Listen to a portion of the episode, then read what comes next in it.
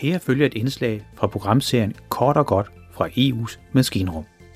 Velkommen til.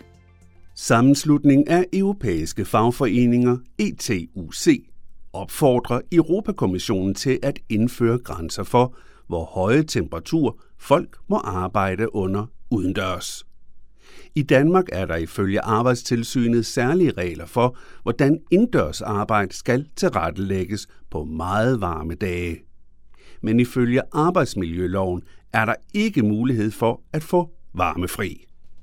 Arbejdstilsynet har umiddelbart ingen vejledning for udendørsarbejde under en hedebølge. Det var kort og godt fra EU's maskinrum.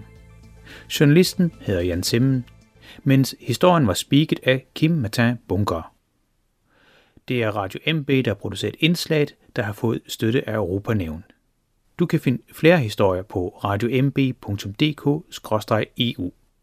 Her kan du genhøre indslaget, du netop har hørt, eller podcaste en masse andre gode journalistiske historier. Og det var altså på radiomb.dk-eu. På Facebook skal du søge efter den elektroniske folkeoplysning, kort e-folkeoplysning. Vi siger mange tak, fordi du lyttede med, og på genhør næste gang.